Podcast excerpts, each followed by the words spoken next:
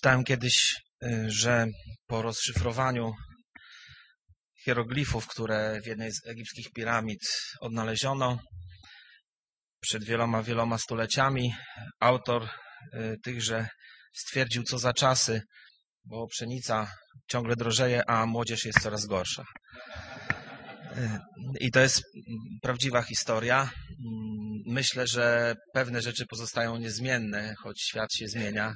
Zmieniają się ludzie, zmienia się kształt społeczeństw i cywilizacji, ale od zawsze ludzie mówili, że młodzież jest coraz gorsza i ceny idą w górę.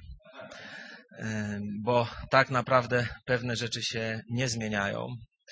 Ale to, co się z pewnością zmienia, co odróżnia nasze czasy od naszych poprzedników, którzy na przestrzeni wieków żyli, to to, że bez względu na to, jak subiektywnie moglibyśmy o swoim życiu powiedzieć, żyjemy w czasach wyjątkowego komfortu, dostatku, bezpieczeństwa i pokoju.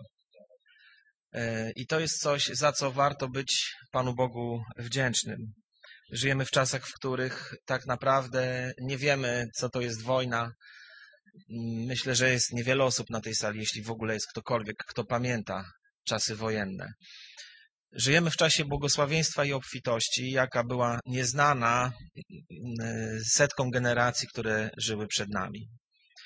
Więc tak naprawdę żyjemy w czasach, w których osiągnęliśmy to, za czym ludzkość zawsze tęskniła, marzyła, do czego dążyła. I warto o tym mówić. Warto być człowiekiem wdzięcznym, warto pamiętać o tym w naszych modlitwach i mówić: Boże, dziękuję Ci za każdą kromkę chleba, za dach nad głową, za ludzi, wśród których żyję, za pokój. I gdybyśmy nad tym się zastanowili, moglibyśmy stwierdzić, że tak naprawdę ludzkość, zwłaszcza ludzkość żyjąca w tym świecie zwanym światem kultury zachodniej, nie powinna mieć żadnego powodu do narzekania. Ponieważ większość ludzi myśli, że tak naprawdę celem świata, celem gospodarki, celem polityków jest dostatnie bezpieczne życie, właściwie to osiągnęliśmy, więc nic już nam nie powinno brakować. I nie tak się rzecz ma z naszym społeczeństwem, jeśli poczytamy pewne niepokojące dane czy statystyki. Rozmawiałem kiedyś o tym z pastorem Wojciechem, sam byłem zdumiony tym, tą wiedzą. W Wielkiej Brytanii już była premier Theresa May, powołała niedawno pierwsze w Europie zachodniej Ministerstwo do Spraw Samotności. Zbadano wielu, wielu ludzi, zadano pytania kilku milionom Brytyjczyków i 9 milionów ludzi starszych, 9 milionów ludzi wyznało, że w ciągu roku nikt do nich nie zadzwonił, ani nikt się nie zainteresował ich sposobem życia i ich zdrowiem. Ludzi żyjących dostatnio. Zbadano młodych ludzi, zbadano nastolatków, którzy mają wszystko i okazało się, że ich poczucie wyobcowania, osamotnienia jest nieporównywalne do, do niczego, co było wcześniej. Kiedy byłem w Skandynawii, współpracuję zawodowo z artystami, z muzykami, bo jestem muzykiem, jak pewnie niektórzy z Was wiedzą. Byłem w Finlandii, w Helsinkach. Mówili mi, że wielu starszych ludzi w Helsinkach boi się, bo umiera w samotności w swoich apartamentach.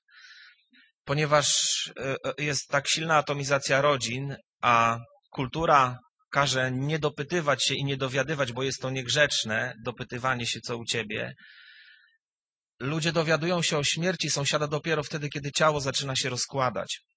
I w sklepach można już kupić czujniki tego zapachu. Ludzie po prostu nie mają do kogo zadzwonić i umierają w samotności po dwóch, po trzech tygodniach. W Czechach zmarł, kiedy ktoś umiera, rodzina oddaje ciało, czy firma pogrzebowa do krematorium, coraz częściej zdarza się, że nie ma kto odebrać prochów to po prostu nikogo nie interesuje. Czechy to jest najbardziej ateistyczny kraj w Europie. Po prostu ludzi to nie obchodzi. Było, minęło, skończyło się, niech ktoś się o to martwi. I tego typu przykłady można by mnożyć. Czy mówię to po to, żeby nawiązać do tych faraonicznych hieroglifów i do czasów, że kiedy to mówiono, że jest coraz gorzej? Nie.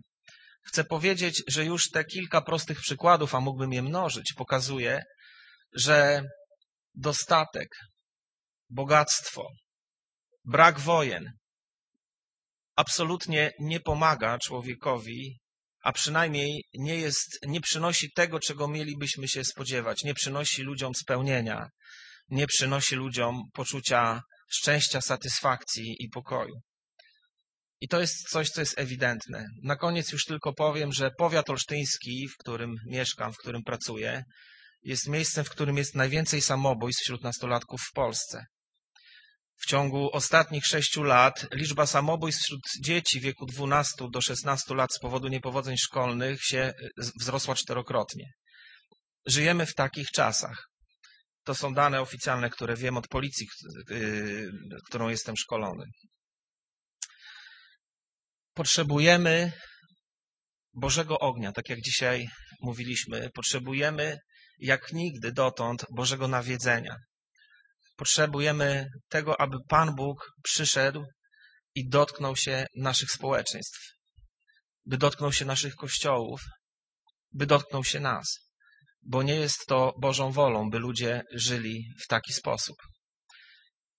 Kilka miesięcy temu, idąc na naszą grupę mm, biblijną w Olsztynie, ona jest na placu konsulatu polskiego, y, tam mieszka duża społeczność romska.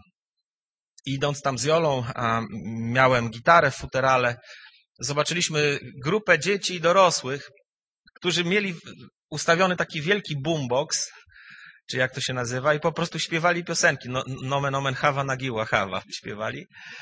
Niektórzy byli pod wpływem alkoholu, te dzieci były takie, mówiąc dyplomatycznie, niezbyt umyte, ale zobaczyłem w tych ludziach coś niezwykłego. Tam po, oni po prostu mieli nadal wspólnotę. Oni byli razem, całymi rodzinami. Śpiewali, tańczyli.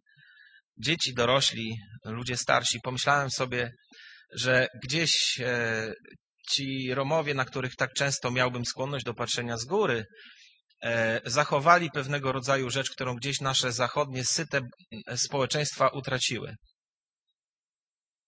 Możecie sobie zadać pytanie, po co ten przydługi wstęp? Mogę odłożyć tutaj?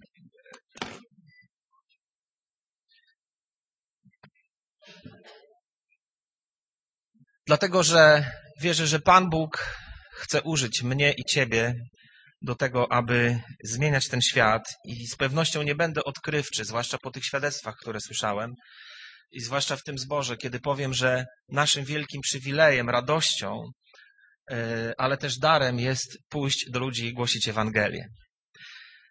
Mm, kiedy słyszałem to, co tutaj mówiła Bożenka, przypomniała mi się też pewna historia, bardzo krótko powiem, e, bo jedna z rzeczy, która jest zawsze dla mnie niespodzianką w waszym zborze, to jest to, że nabożeństwa są dosyć długie.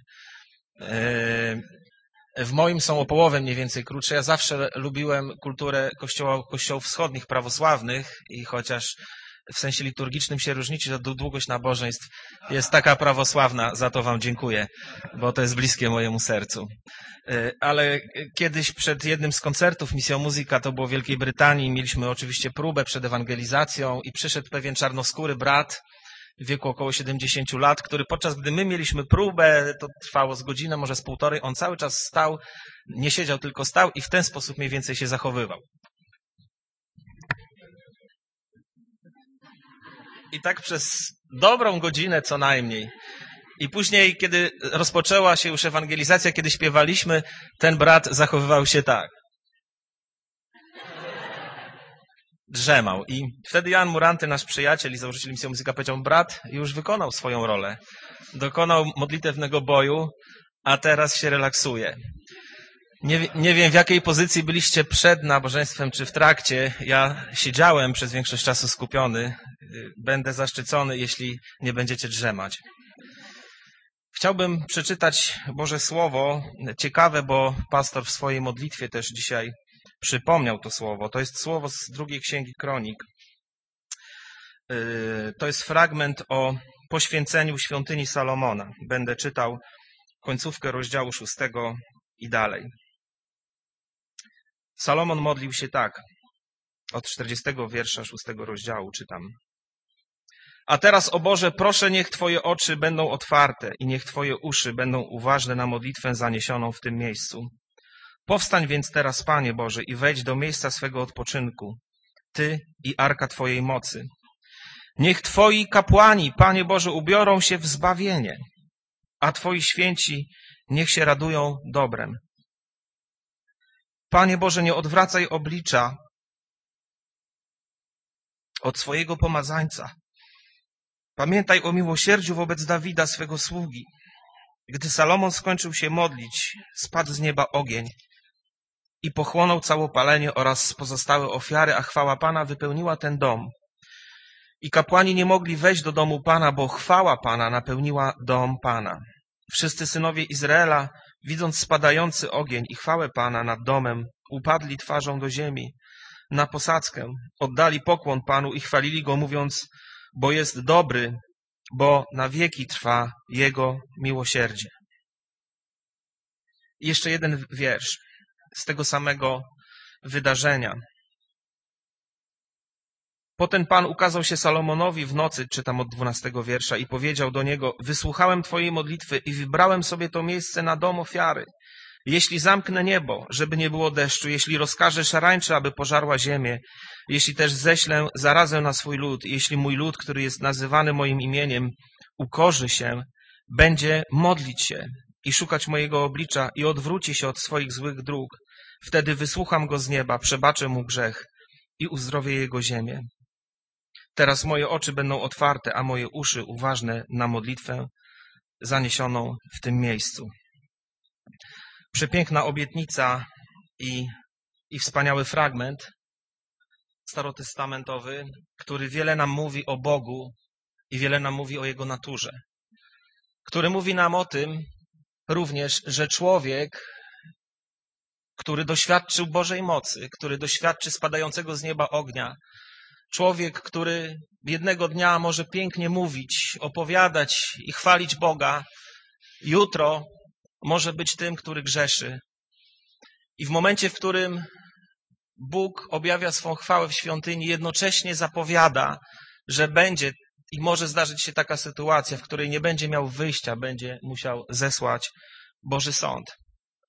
Po to, aby człowieka doświadczyć. W ósmym rozdziale piątej Księgi Mojżeszowej, to przecież wiele stuleci wcześniej, przed tym wydarzeniem, Bóg mówi, gdy wejdziesz już do ziemi obiecanej, gdy pobudujesz sobie winnicę, gdy będziesz żył w ziemi opływającej w mleko i miód, pamiętaj o całej drodze, którą cię prowadziłem i pamiętaj, abyś, gdy będziesz już żył w dostatku, nie zaczął myśleć, to moja ręka to uczyniła.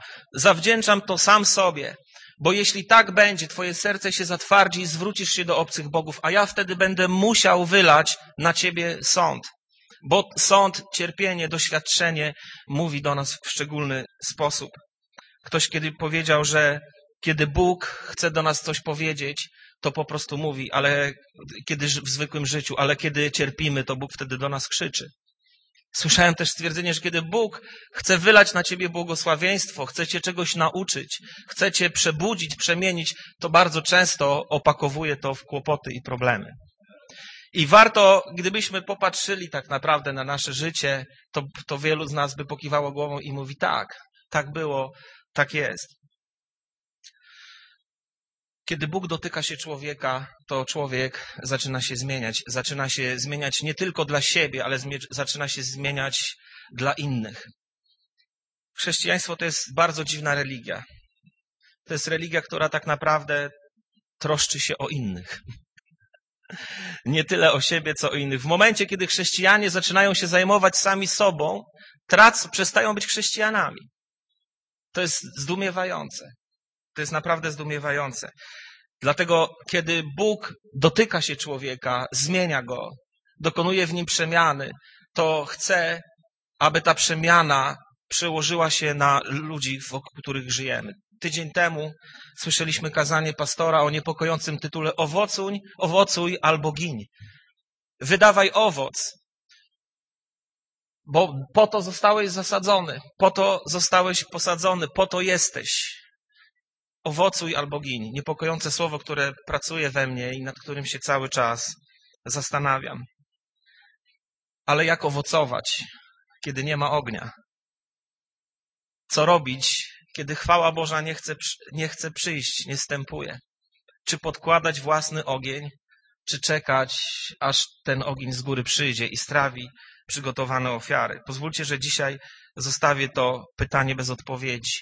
Ale wiem, że na pewno naszym zadaniem, wtedy, kiedy tego ognia nie ma tyle, ile byśmy chcieli, na pewno jest stanie przed Bogiem i mówienie, Boże, ześlij ten ogień.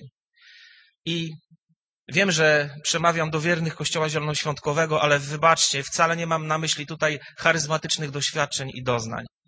Ale może, oczywiście to również, jeśli Bóg pozwoli, ale może bardziej ciężką pracę i wysiłek, który jest potrzebny, żeby żyć. Nie gniewajcie się, że to powiem, ale zbyt wiele razy widziałem ludzi z problemami, po bardzo ciężkim, ciężkich doświadczeniach w przeszłości, którzy po nawróceniu, ktoś im powiedział, że wiesz, wystarczy, że wyjdziesz do przodu, położymy na ciebie ręce, a jak ci będzie ciężko, to się po prostu pomodlisz i będzie dobrze. Amen. Pomodlisz się i Bóg odpowie. Ale jednocześnie wiedz, że to stare życie będzie się odzywało. Nawyki, sposób, model, w jakim funkcjonowałeś przez lata, będzie. I potrzebna jest ciężka praca, to sportowe gryzienie trawy. Bóg będzie dawał siłę, ale będzie trudno. I wiecie, my jako Kościół musimy gryźć trawę i modlić się tak, jak modlili się ludzie, których Bóg użył do przebudzenia.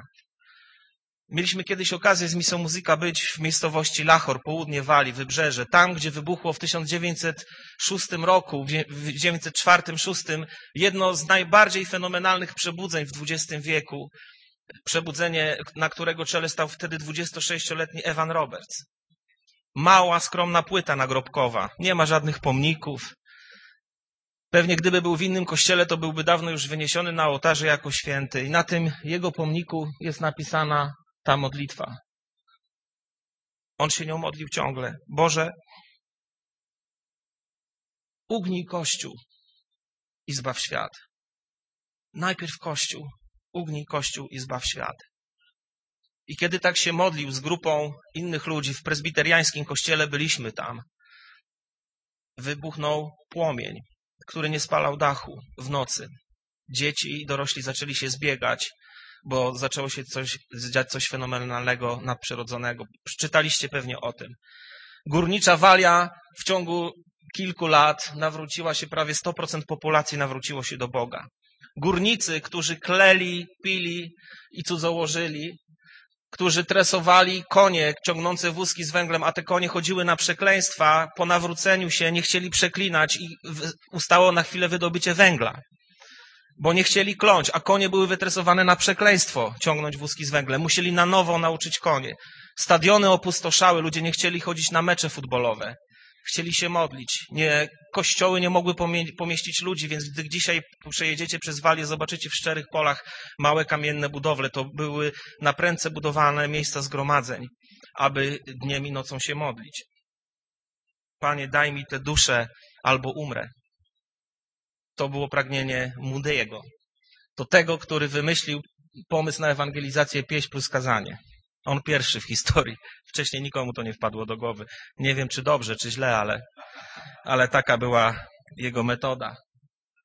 Chciałbym, żebyśmy dzisiaj, trochę będąc w temacie poprzedniego kazania, owocuj albo gin, pomyśleli o tym owocu, pomyśleli też o gryzieniu trawy, pomyśleli o wołaniu do Boga, gdy ogień zdaje się przygasł. Bo Bóg jest tym samym Bogiem, który był Bogiem w czasach Salomona. I on mówi o swojej naturze, jeśli przyjdziesz, jeśli będziesz wołał, jeśli rozedrzesz swoje serce, ja odpowiem, nawet jeśli wcześniej grzeszyłeś. I świątyni już izraelskiej dzisiaj nie ma ale my jesteśmy Bożą świątynią. To w nas Bogu podobało się, co jest wielką tajemnicą, którą ja nie, ja nie potrafię jej pojąć. Nawet gdy to wypowiadam, wydaje mi się to zbyt zdumiewające, żeby było prawdziwe, ale tak mówi Słowo Boże. My, gdy się zgromadzamy, powinniśmy być tym miejscem wołania, wznoszenia do Boga, modlitwy. Spurgeon mówił tak. I wybaczcie, ale wiem, że do historii jesteście przyzwyczajeni, ale dzisiaj kilka cytatów, które wypłynęły z ust tych mężów bożych, chciałbym wam przypomnieć. Chrześcijanie powinni żyć pośród świata, ale nie w połączeniu z nim. Łódź żyje wśród wód, ale jeśli woda dostanie się do łodzi, Ona pójdzie na dno, zatem chrześcijanie mają żyć pośród ludzi tego świata. Ale jeśli świat wpłynie do chrześcijaństwa, ono utonie. Bardzo ciekawe spostrzeżenie. Współczesny kaznodzieja, autor wielu książek, Martin Lloyd Jones, dwudziestowieczny anglikański kaznodzieja, mawiał, przebudzenie dla Kościoła jest jak poruszenie pogrzebaczem węgli w palenisku. Wiecie, co się dzieje, gdy poruszymy, gdy ogień przygasa. Ja od niedawna mam pasję pszczelarską i uczę się rozpalać między innymi tą poddymiarkę. To jest fantastyczne wydarzenie. Fantastyczny, fantastyczny przyrząd. Już wiem, że będę uczył dzieci oddychać na trąbce przy pomocy też tego urządzenia. Genialna pomoc dydaktyczna, opatentuję to. Potrzebujemy Bożego ognia i wiatru. Pewien przyjaciel nasz, właśnie Jan Muranty mówi, że wiecie, kiedy wielki żaglowiec stoi w porcie, a jest odpływ, trzeba by traktorów, żeby go ruszyć z miejsca. Ale kiedy przychodzi przypływ, kiedy przychodzi woda, wystarczy lekki podmuch wiatru i ten żaglowiec zaczyna płynąć. Musimy gryźć trawę i wołać do Boga, aby poruszył pogrzebaczem nasz kraj. Musimy wołać do Boga, aby ugiął Kościół, aby Kościół nie siedział zadowolony sam z siebie, ale byśmy się przejęli losem tych ludzi, którzy umierają w samotności. Syci, opuszczeni przez bliskich. Abyśmy przejęli się losem dzieciaków, które nie mają sensu życia i sięgają po tabletki. Abyśmy zadzwonili do seniora, do naszego sąsiada, do którego może od roku już nikt nie zadzwonił. To jest przebudzenie. To nie są tylko wielkie nadprzyrodzone rzeczy. To są rzeczy, które możemy zrobić, przez które Bóg może zadziałać. Tragicznym oszustwem ostatniego stulecia, mówił Martin Lloyd Jones, było przekonanie, że na człowieka ma wpływ tylko jego otoczenie i że aby zmienić człowieka wystarczy zmienić jego środowisko. I to jest tragiczne. Pisał to w latach 50. Tragiczne kłamstwo. Pomija ono fakt, że człowiek przecież upadł, będąc w raju. Marksiści mówili, że trzeba po prostu robić lepiej i będzie dobrze. Kiedy poczytacie programy partii politycznych, one mówią, jak zrobić, żeby było więcej dostatku. Naszym programem jest, żeby było więcej dobrobytu, ale tęsknię za czasami, chociaż dzisiaj byłyby wyśmiane, kiedy by jakiś premier powiedział, a moim programem będzie to, że teraz całe społeczeństwo będzie chodziło w niedzielę na dziesiątą do kościoła i wydamy państwowy modlitewnik. Nie, nie mamy takiej władzy i takiego państwa, niestety. Oczywiście nie łapcie mnie za słowa, wiecie co mam na myśli. Odwołuję się tutaj do historii reformacji i do tego, jak reformatorzy podchodzili do pewnych, pewnych spraw. Przepraszam, nastawiłem sobie budzik, który mi mówi, że mam już kończyć. E, jeszcze chwileczkę.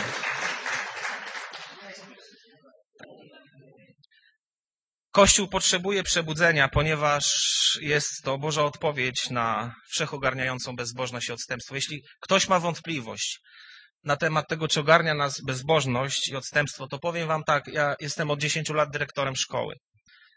Mógłbym wam opowiedzieć, jak w te 10 lat zmieniły się dzieci, ich spojrzenie na pewne sprawy, na przykład na kwestie moralności seksualnej. Nie chciałbym tego wątku rozwijać, ale mógłbym Wam powiedzieć, jak w ciągu właściwie niecałych 10 lat zmieniło się podejście rodziców do pewnych spraw. Pszenica podrożała.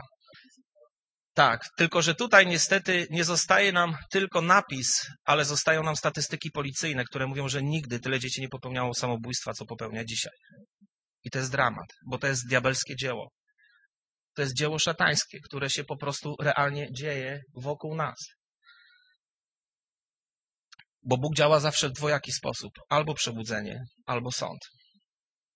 Jeśli czeka, to czeka, ale w którymś momencie Pan mówi: pokutujcie, bo lżej będzie Sodomie i Gomorze w dzień sądu niż wam. To jest coś, co może nie brzmi zbyt radośnie, ale co jest prawdą. I króciutko pozwólcie, że na takim pewnym studium przypadku powiem wam, jak wyglądał, wyglądał naród, który dojrzał do przebudzenia.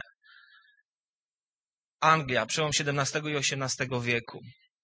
Kraj pełen bezbożności, kraj dziecięcej prostytucji, kraj absolutnego moralnego upadku, kraj, w którym można było, idąc, idąc przez Londyn, przez e, środek którego płynął rynsztok, można było przeczytać hasło upijesz się za jednego pensa, za dwa pensa worek słomy pod głowę. I to było normalne. Taka właśnie była Anglia w tamtych czasach. I w tamtych czasach Bóg powołał wielu ludzi, między innymi tego niepozornego człowieka, który miał 1,64 m wzrostu. John Wesley. Człowiek naprawdę niezwykły. Człowiek, który wraz ze swoim bratem Karolem napisali tysiące hymnów chrześcijańskich. I zaledwie po tak naprawdę kilkunastu latach ich działalności cała Anglia zamiast śpiewać pijackie piosenki śpiewała pieśni na Bożą chwałę. I mówi się, że oni przez pieśni i przez hymny uratowali Anglię od, od upadku. I to był właśnie Wesley. Czyń tyle dobra, ile zdołasz. Przyznacie, że to bardzo niezielonoświątkowe wszelkimi dostępnymi ci środkami, na wszelkie możliwe sposoby, w każdym możliwym miejscu i czasie, dla tylu ludzi, dla ilu zdołasz, tak długo, jak tylko będziesz potrafił. Owocuj po prostu, albo gin. Jak wyglądało życie Wesleya? Dziesięciokrotnie okrążył równik, gdyby policzyć trasy, na koniu, 42 tysiące kazań wygłosił. Był wyśmiewany, bity, publicznie obrzucany kamieniami, rzucano w niego odchodami, zdechłymi zwierzętami, oblewano moczem, wyrzucano z kościołów. On, to właśnie on powiedział, że moją parafią jest cały świat. To nie Jan Paweł II powiedział. To powiedział John Wesley trochę wcześniej. Tak samo to niech stąpi duch Twój odnowi ziemię, to też nie Jan Paweł II, to, to, to, to wcześniej pewien król w Biblii. Niesamowite są życiorysy tych ludzi, e, niesamowite są ich osiągnięcia. I niesamowite jest to, co jest miłe mojemu sercu, że pieśni były potężnym narzędziem do, ewangel e, do ewangelizacji. I to metodystyczne przebudzenie, ono oczywiście bardzo szybko przeniosło się także do Stanów. E, I tak naprawdę przygotowało grunt pod kolejne przebudzenia, a musimy wiedzieć, że na przełomie XIX i XX wieku pod berłem królowej Wiktorii żyło i umierało 75% populacji świata. Pan Bóg wiedział, że przebudzenie, które zacznie się w Wielkiej Brytanii, będzie miało kolosalny wpływ na przyszłe Stany Zjednoczone, na Indie, na Chiny, na Afrykę, bo oto te ruchy misyjne, które narodziły się w Wielkiej Brytanii, doprowadziły do nawróceń setek tysięcy i milionów ludzi. A jednym z wielkich postaci tego był liczący zaledwie 1,64 m John Wesley i wielu innych.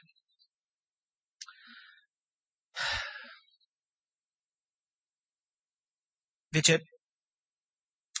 kiedy myślimy o Bogu i o Jego działaniu, bardzo często mamy skłonność, ja przynajmniej tak myślę, że głównym zadaniem Pana Boga jest sprawić, żebym ja był szczęśliwy. Że właściwie Pan Bóg ma jedno zadanie. Było mi źle, nawróciłem się i teraz jest mi dobrze. Muszę Wam powiedzieć, po nawróceniu w, nie, w niektórych sprawach mi się pogorszyło. Wcale nie zrobiło mi się lepiej. Wtedy nie miałem wyrzutów sumienia, a teraz mam. Jest mi trudniej. Wtedy byłem obojętny nad czyjeś cierpienia, a teraz, gdy mijam jakiegoś chorego człowieka czy biedaka, zastanawiam się, czy powinienem. Kiedyś nie miałem tych rozterek. Kiedyś myślałem, chociaż nie piłem, nie paliłem i nie ćpałem, ale byłem też złym człowiekiem, kiedyś myślałem sobie, e, jakie to ma znaczenie. Dzisiaj mi się pogorszyło, ale wiem, że Bożą wolą i Bożym celem i zamiarem jest nie tyle sprawić, by nam zawsze się żyło lepiej i szczęśliwiej, bo przecież gdyby tak było, to by nie było tych psalmów, w których Dawid płacze. Nie, nie byłoby Hioba, nie byłoby rozterek. Boże, jaka korzyść z tego, że ja Ci służę. Bezbożny ma lepiej. Prawda? To jest w Biblii. Ale jest lepiej. I zawsze warto. I cudownie jest służyć Bogu ale owocować i zmieniać świat dla Jego chwały. Wiecie, gdybyśmy dzisiaj posłuchali naszych niedouczonych, przepraszam bardzo, niektórych osób ze sfery publicznej, oni mówią, my teraz ruszamy z bryłę świata. Dosyć z zabobonami średniowiecza, precz z chrześcijaństwem. My zbudujemy nowy, wspaniały świat. Wuj to jest nasz ostatni, krwawy skończy się trud. kolejna generacja bolszewików czy neobolszewików obiecuje ludziom raj na ziemi. Nie pomna na doświadczenia historii i na to, że to kiedyś już było. A w dodatku niedouczona, bo nie wie, że to właśnie chrześcijaństwo przyniosło, ewangeliczne chrześcijaństwo przyniosło współczesnemu światu wartości, o których dzisiaj nawet często nie wiemy. My, nawet ewangelicznie wierzący, nie wiemy, że one się narodziły w kościele. John Nathan Edwards w 1741 roku wygłosił słynne kazanie Grzesznicy w rękach rozgniewanego Boga. Co ciekawe, czytał je z kartki. Czytał je wcześniej kilkanaście razy i nie było żadnego efektu tego pamiętnego dnia, gdy je wygłosił. Efekt był tak zdumiewający, że ludzie krzyczeli: Boże, ratuj! Ludzie trzymali się filarów w kościele, bo mo Boża moc stąpiła w tak fizyczny sposób, że ludzie nie byli w stanie ustać na nogach. Jonathan Edwards mówił tak. Prawdziwy i wierny chrześcijanin nie prowadzi świętego życia w sposób incydentalny. Jest to coś, czemu się oddaje całkowicie. Zadaniem żołnierza jest walczyć. Zadaniem chrześcijanina, jest być jak Chrystus. A Marcin Luther mówił, szef szyje buty, krawiec szyje ubrania, prawda? Murarz domy muruje. A chrześcijanin się modli. To jest nasze zadanie. Kilka, dosłownie przypomnę, przywołam nazwiska. George Whitfield. Zwróćcie uwagę, że każdy nurt konfesyjny, każdy kościół miał, e, e, miał swoich przedstawicieli i prezbiterianie, reformowani, baptyści, kościół episkopalny, ci wszyscy ludzie w niesamowity sposób, w tym samym mniej więcej okresie powiewu Ducha Świętego, on dział przez różne denominacje, dokonywali wielkich rzeczy, także w tym wymiarze społecznym. George Whitfield, jak widzimy, objechał konno wszystkie kolonie w Nowej Anglii, czyli te, które później się po już uzyskaniu niepodległości nazwały, były nazwane Stanami Zjednoczonymi. Setki nowych zborów, 100 tysięcy nawróceń, misje wśród Indian, sierocińce, szkoły. Nie zawsze i nie wszyscy pamiętają, że te największe amerykańskie uniwersytety, te wszystkie słynne uniwersytety, wiele z nich było zakładanych właśnie w tych czasach, kiedy powstawała pieśń Cudowna Boża Łaska. I przez podobnych ludzi jak John Newton, ten, który jest autorem słów do tej pieśni, były handlarz niewolników, nawrócony w wyniku nadprzyrodzonego Bożego działania. Zakładano uniwersytety, żeby szukać prawdy, żeby kształcić duchownych, żeby kształcić kaznodziejów. Wiecie, bo z kościołem to jest trochę jak z pszczołami. Bardzo przepraszam, naprawdę jestem amatorem i się narażę pszczelarzowi, ale już zauważyłem, że jeśli one nie mają pokarmu, to się nie rozmnażają. Żeby królowa znosiła jajeczka, musi być dostatek pożytku. Jak w ulu brakuje jedzenia, to ona przestaje czerwić. Jeśli w kościele brakuje pokarmu, to się zaczyna dziać coś dziwnego i niepokojącego wielcy Boży ludzie. Karol Spurgeon. To już wiek XIX. W ciągu 30 lat jego zbór powiększył się z kilkudziesięciu do dwudziestu tysięcy osób. Wcześniej, nieco wcześniej, chociaż to też podobny czas, Charles Finney, nawrócony w wieku 19 lat, 23 września 57 roku zaczął spotykać się na modlitwie w gronie kilku osób yy, pewnym miejscu Nowego Jorku. Pół roku później było tam 10 tysięcy. Po czterech latach ten ruch modlitwy zyskał prawie milion uczestników. I oto co mawiał nasz brat. Jeśli obecność Boga jest obecna w Kościele, pociągnie On świat ku sobie. W sensie jakby świat przyjdzie do Kościoła, ludzie będą się nawracać, tak bym to wyjaśnił. Jeśli obecności Boga w Kościele zabraknie, świat od Kościoła się odwróci. Potrzebujemy, żeby przyszła Boża chwała i ona przychodzi. Kościoły ewangelikalne wydały wybitnych, wiele wybitnych postaci, bo wiecie, nawrócenie to nie jest tylko sprawa między mną a Bogiem. Jeśli się nawracasz, Bóg chce poprzez ciebie zrobić coś dla innych ludzi. Uczynić ten świat po prostu lepszym. Anglia, o której wspomniałem, jest takim doskonałym przykładem. Kiedy zaczęli nawracać się mężowie stanu, ludzie zamożni, dokonali zmian w prawie, które ten obraz Anglii sprzed stu lat uczyniły już raz na zawsze historią. Bo chrześcijaństwo ma bardzo praktyczny wymiar. W 1772 roku sąd angielski wprowadził zakaz posiadania niewolników. Wkrótce parlament uchwalił zakaz uczestnictwa Brytyjczyków w handlu niewolnikami, a w 1833 roku zniesiono niewolnictwo we wszystkich brytyjskich posiadłościach. Wielka Brytania była pierwszym krajem na świecie, który to przełomowe ustawodawstwo wprowadził. Jeden z wybitnych postaci brytyjskiej historii. Bardzo przepraszam za to nietypowe kazanie, pastorze. Proszę mi wybaczyć, ale chciałem was zainspirować do działania, do modlitwy o Polskę, do aktywności społecznej. Po to dzisiaj to głoszę. Do gryzienia trawy i wołania do Boga, żeby przyszła Jego obecność, bo sami nie damy rady pchnąć tego w statku. Musi popłynąć, musi powiać i musi popłynąć woda i musi dmuchnąć wiatr. Anglik, syn aktorki i ojca pijaka. Nawrócił się w wieku 14 lat jego niania, która wcześniej na jednym z przebudzeniowych zgromadzeń się nawróciła, mówiła mu o Jezusie i on się słuchając Ewangelii nawrócił. I to wywołało wielką przemianę i ten człowiek miał olbrzymi wpływ na całe brytyjskie społeczeństwo. Na jego pogrzebie były dziesiątki tysięcy ludzi. Tak ten pan oto wyglądał. Mimo wielu propozycji odmawiał przyjmowania wysokich urzędów państwowych, nie pobierał też nigdy wynagrodzenia za swoją działalność społeczną.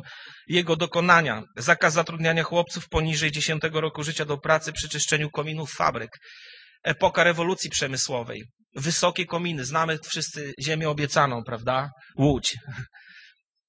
Mali chłopcy byli wykorzystywani, bo tylko oni się mogli zmieścić do, do tych kominów, żeby je wyczyścić. Wielu z nich ginęło, dzięki inicjatywie tego człowieka to zostało zabronione. Zakaz pracy w kopalniach dla kobiet i dzieci. Dzisiaj to jest nie do pomyślenia. Czy to zrobili marksiści, czy bolszewicy? Nie, to zrobili chrześcijanie.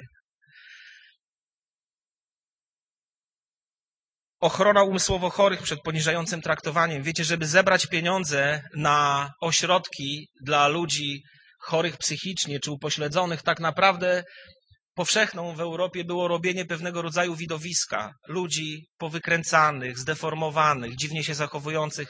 Prezentowano na rynkach jako pewnego rodzaju zo, żywe ludzkie zo, jako dziwolągi, dziwadła. To było upokarzające.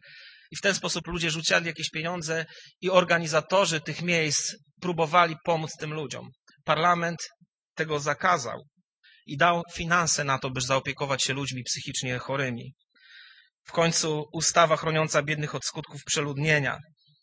Moglibyśmy jeszcze mówić o, o ustawodawstwie, które chroniło y, tubylców w koloniach przed ekspansją, przed y, bardzo brutalnym traktowaniem przez, przez chciwych kolonistów. Można by y, o tym wiele mówić, ale to są, kochani, rzeczy, które rodzą się w momencie, gdy Bóg nawiedza człowieka. Ale gdy Bóg nawiedza, nawiedza człowieka i on zaczyna owocować, to widzimy, że dzieją się cuda. Nie tylko te nadprzyrodzone, ale zmienia się świat i zmienia się nasze społeczeństwo. Coś była mowa o szewcu, to jedna z ulubionych postaci mojej żony. Szewc. Tutaj mieliśmy arystokratę, tak, hrabiego, a tutaj mamy szewca. Nauczył się 16 języków. Był baptystą, to nie były języki te takie nasze, zielonoświątkowe. Ilu z Was, kochani, potrafi mówić trzema językami obcymi? Ręka do góry. On się nauczył szesnastu. Kiedy? Był pracowity. Mając w kieszeni 13 funtów, założył Baptist Missionary Society. Bardzo szybko ta organizacja stała się jedną z największych organizacji misyjnych na świecie. I to jest wielka rzecz. Był pracowity. I tak naprawdę moglibyśmy dzisiaj sobie zadawać te pytania, dlaczego do dzisiaj w protestanckich krajach jest najniższy poziom korupcji, mimo że dawno już o protestantyzmie i o Ewangelii zapomniały. Mm, e, dlaczego tak się dzieje, że dzisiaj to już nie w Europie sytej, bogatej, która zjada owoce tych przebudzeń. Mógł, tutaj, gdyby się spytali mojego syna Piotrka, opowiedziałby, jak coś się stało w ekonomii po reformacji. Jak Wielka Brytania wyprzedziła inne kraje właśnie także z powodu tego, że etyka protestancka pojawiła się, czy na przykład w, w Holandii i tak dalej. Dużo by można o tym mówić, ale dzisiaj syta Europa mówi, że nam Bóg jest do niczego niepotrzebny. Nowo wybrana przewodnicząca Parlamentu Europejskiego mówi w swoim ekspoze, że Europa korzysta z dorobku Greków cywilizacji starożytnej. Nie ma ani słowa o chrześcijaństwie. Na czym bolejemy? Co dziwne, bo ona jest akurat konserwatystką, jak wiecie, ma siedmioro dzieci. ale gdzieś to słowo chrześcijaństwo nie przechodzi nam przez usta, tak jakbyśmy nie chcieli kogoś urazić, a to jest oczywiste nasze dziedzictwo. Jako chrześcijanie, szczególnie jako ewangelicznie wierzący, jako protestanci, mamy powód do dumy, by powiedzieć, to nasi współbracia przez całe stulecia w ostatnich czasach czynili Europę lepszą, zmieniali ustawodawstwo, zakładali uniwersytety, sierocińce, szkoły, domy dla robotników, chronili ludzi, wprowadzali zmiany w prawie, żeby chronić ludzi przed wyzyskiem. To jest dorobek Ewangelii, to jest wynik duchowych przebudzeń. Historycy mówią, Paul Johnson, brytyjski historyk, mówi, że to właśnie dlatego, że wcześniej Anglia doświadczyła tych przebudzeń, nie doszło do rewolucji takiej, jaka była we Francji. Nie było na to podatnego gruntu, bo ludzie się po prostu wcześniej ponawracali i nie było rzezi, nie było mordowania, nie było obdzierania ludzi ze skóry. Nie było olbrzymiej fali antyklerykalizmu. Kończąc, możemy sobie zadać to pytanie, jakie korzyści z historii, jak to się ma dzisiaj do nas w Olsztynie, w Reszlu, we Fromborku, w Elblągu. Jak to się ma do nas, szewców, robotników, pszczelarzy i profesorów. Jak to się ma do nas, nastolatków i do nas, seniorów? Ano ma się tak, że wierzę, że z tym większą gorliwością będziemy dzisiaj stawać jak niegdyś Izraelici w świątyni i mówić: Boże, przyjdź. Boże, nasz kraj, nasza Europa oddala się od Ciebie. Ludzie płacą za to cenę. Boże, Wiemy, że Twoje serce nie jest na to obojętne, bo jesteś niezmiennym tym samym Bogiem. Chcemy wołać do Ciebie, zmiłuj się. Wylej swój ogień. Przemień ludzkie serca, a nas naucz, jak mamy być Twoimi narzędziami. Może masz się nauczyć szesnastu języków, jak William Carey. Może masz zmienić swoje życie i wyruszyć w podróż misyjną, nawet gdy będą się z ciebie wyśmiewać. I możesz, może to ty jesteś dzisiaj tym. I mówię to naprawdę, to nie jest tylko licencja poetyka w moim kazaniu. Może to ty jesteś tą osobą, do której chcę Bóg powiedzieć, to twoją parafią ma być cały świat. Może to ty jesteś tą osobą, która powinna już przestać myśleć, że Bóg jest przede wszystkim po to, żeby było mi fajnie, ale może właśnie jesteś tym Bożym narzędziem, którego Bóg nawet przez to, że będzie ci niefajnie, sprawi, że innym będzie fajnie. Bóg może dzisiaj to wszystko uczynić i to wszystko zrobić. Z czym pójdziemy do naszych domów? Ja chciałbym, żeby mój kraj został przebudzony. Ale boję się już w naszych zborach mówić o słowie przebudzenie, bo ono zostało wielokrotnie, wybaczcie, że to powiem, ośmieszone. Ja słyszałem, już byłem na tylu charyzmatycznych konferencjach, gdzie ktoś prorokował, że już stąd wyjdzie przebudzenie, stąd, stąd, tam, z Giżycka, z Olsztyna, z Łodzi. Ale wierzę dalej w przebudzenie. Wierzę dalej w to, że Bóg chce nasz naród przemienić, żeby te zaciśnięte pięści się wreszcie zostały opuszczone, żeby ludzie przestali się nienawidzieć, opluwać, walczyć ze sobą i bić się na ulicach. Nie pomogą politycy, ani z jednej, ani z drugiej strony, ale Boża moc, która może to wszystko zrobić.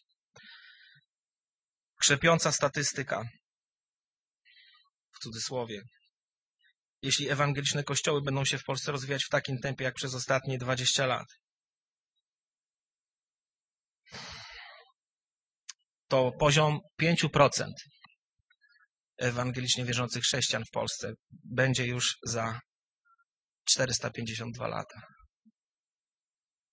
500 lat potrzebujemy, jeśli w tym, w takim tempie będzie nas przybywać jak do tej pory, żeby było nas 5%. Potrzebujemy przebudzenia. Potrzebujemy Bożego ognia. Potrzebujemy pracować. Potrzebujemy się uczyć. Musimy być ambitni. Musimy przygotowywać nasze dzieci do odpowiedzialnych zadań. Niech Bóg włoży w Twoje i w moje serce ogień nie ogień taki, jaki był za Ewana Robertsa, nie taki, jaki był w czasach Wesleya, nie taki, jaki był w czasach Carwina czy Spurgeona. Nowy ogień. Taki, który jest na XXI wiek, na Polskę, na Europę, na nasze życie. Bóg wie, jaki on ma być. I niech ten ogień przyjdzie. Niech Bóg nas pokrzepia i niech Bóg nas błogosławi. Pastorze, czy moglibyśmy się pomodlić, jeśli to nie jest problem? Chciałbym Was zachęcić do modlitwy także o Fromborg. Powstańmy.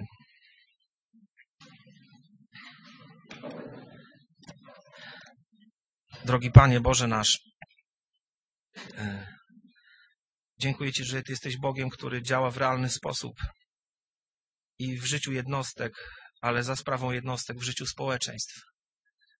Dziękuję Ci, że jesteś Bogiem, który działał, działa w historii i jesteś Panem historii. Panie, dziękuję Ci, że żaden człowiek ani żaden demon nie może zaćmić Twoich doskonałych zamysłów. Ale Panie, też dziękuję Ci za to, że Ty chcesz, abyśmy za Wesleyem wołali, Boże, chcę zrobić wszystko, co w mojej mocy. Twoja Ewangelia była głoszona. Panie, chcę za młodym mówić, daj mi tę duszę albo umrę. O Panie, chcę za Finejem mówić, Boże, ugnij Kościół i zbaw świat. Panie, prosimy Cię, dziękuję Ci też i za Fromborg, za to wspaniałe miejsce, ten wspaniały zbór, to miejsce, w którym jest Twoja obecność, w którym tylu ludzi i ja również sam wielokrotnie mogłem i mogę za każdym razem doświadczać Twojego dotknięcia. Panie, niech Twój ogień z tego miejsca roznosi się do domów, do rodzin, do miejscowości, które są tutaj wokół. Proszę Cię o naszą piękną Warmię, proszę Cię o Olsztyn, o Barczewo, o Reszel. Prosimy Cię o, całą, ten, o całe nasze województwo, prosimy Cię o nasz kraj.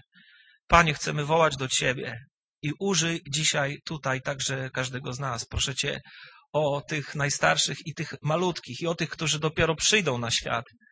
O tą córeczkę, którą siostra nosi w swoim łonie. Wzbudź sobie służebnicę i sługi, Panie.